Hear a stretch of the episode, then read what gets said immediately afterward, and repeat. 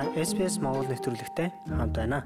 Сайн байцгаана уу сонсогчдоо. Өнөөдөр Австралийн 47 дахь холбооны парламентыг сонгох сонгуул аль бие ёсоор эхэллээ. Австралийн 17 сая 228 900 иргэн санал өгөхөөр бүртгүүлжээ. Сонгогчид Скот Моррисныг дахин сонгож, эвслийн засгийн газарт улсын эрх барих эрхийг дөрөвт удаага өгөх Эсвэл Антони Албанезийн удирдсан Лейберт эрхийг өгч засгийн газрыг өөрчлөх үү гэсэн хоёр сонголтын өмнө ирж байна. Эвслийн засгийн газар сонгуулийн үр дүнг эдийн засгийн амжилтаараа харуулахыг ихээхэн хичээсэн бол хөдөлмөрийн нам, нийгмийн асуудал, үндэсний шудраг байдлын комисс, парламентэд уугуул иргэдийн дуу хоолой, уур амьсгалын өөрчлөлт зэрэг амлалтуудынхаа талаар голчлон ярьж байна. Ийхүү 6-7 хоног үргэлжилсэн сонгуулийн кампанит ажил өндөрлөж өнөөдөр үр дүнгээ харах үлдлээ. Австралийн нийт сонгогчдын талаас илүү хувь нь урьдчилсан байдлаар буюу шуудан утасны үйлчилгээгээр саналаа өгсөн нь түүхэнд хамгийн өндөр тоо боллоо гэж сонгуулийн хороо мэдэгдэж байна. Сонгуулийн энэ өдөр COVID-19-ийн халдвар авсан хүмүүс утсаар саналаа өгөх бүрэн эрхтэй байгаа. Дашрам дурдахад Австральд сонгуулийн насныхан саналаа заавал өгөх ёстой. Ямар нэгэн байдлаар тодорхой шалтгаангүйгээр санал хураалтанд оролцоогүй бол торгуул ногдулдаг.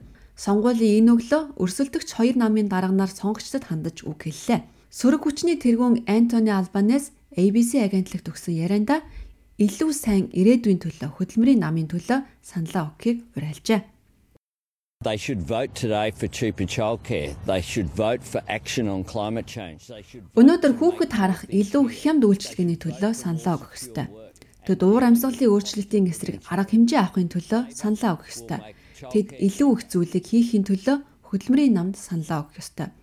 Тэд баталгаатай ажлын байр, амьдралын өртөгтэй холбоотой бэрхшээлийг даван туулахын төлөө саналаа өгөх ёстой. Лейбер нам сэргээгдэх эрчим хүчийг дэмжснээр хүүхэд харах үйлчилгээг хямд, эрчим хүчний үнийг хямд болгоно. Эмийг хямдруулна.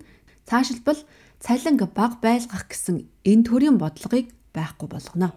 Policy of deliberately keeping wages low.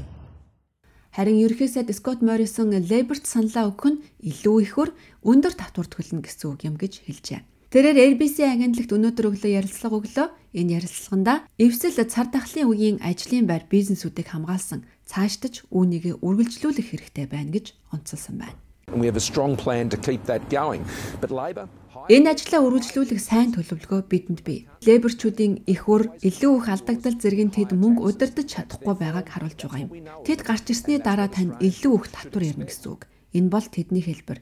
Бид тэднийг үгээр нь л мэддэг. Австралчууд үнийг мэддэг байх хэрэгтэй.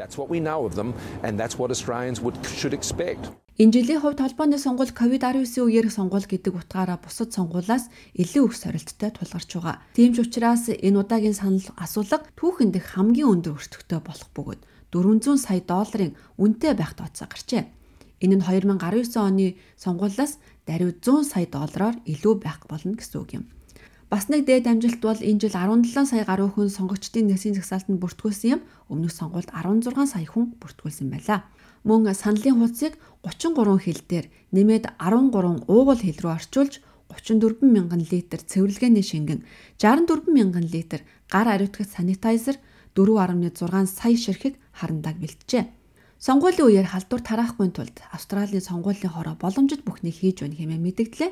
SBS Mongolia сонгуулийн явцын тухай цаг тухай бүрт нь мэдээлэх бөгөөд өнөө өрөө сонгуулийн дүн гарахад мэдээллийг шуурхаа хүргэх болно.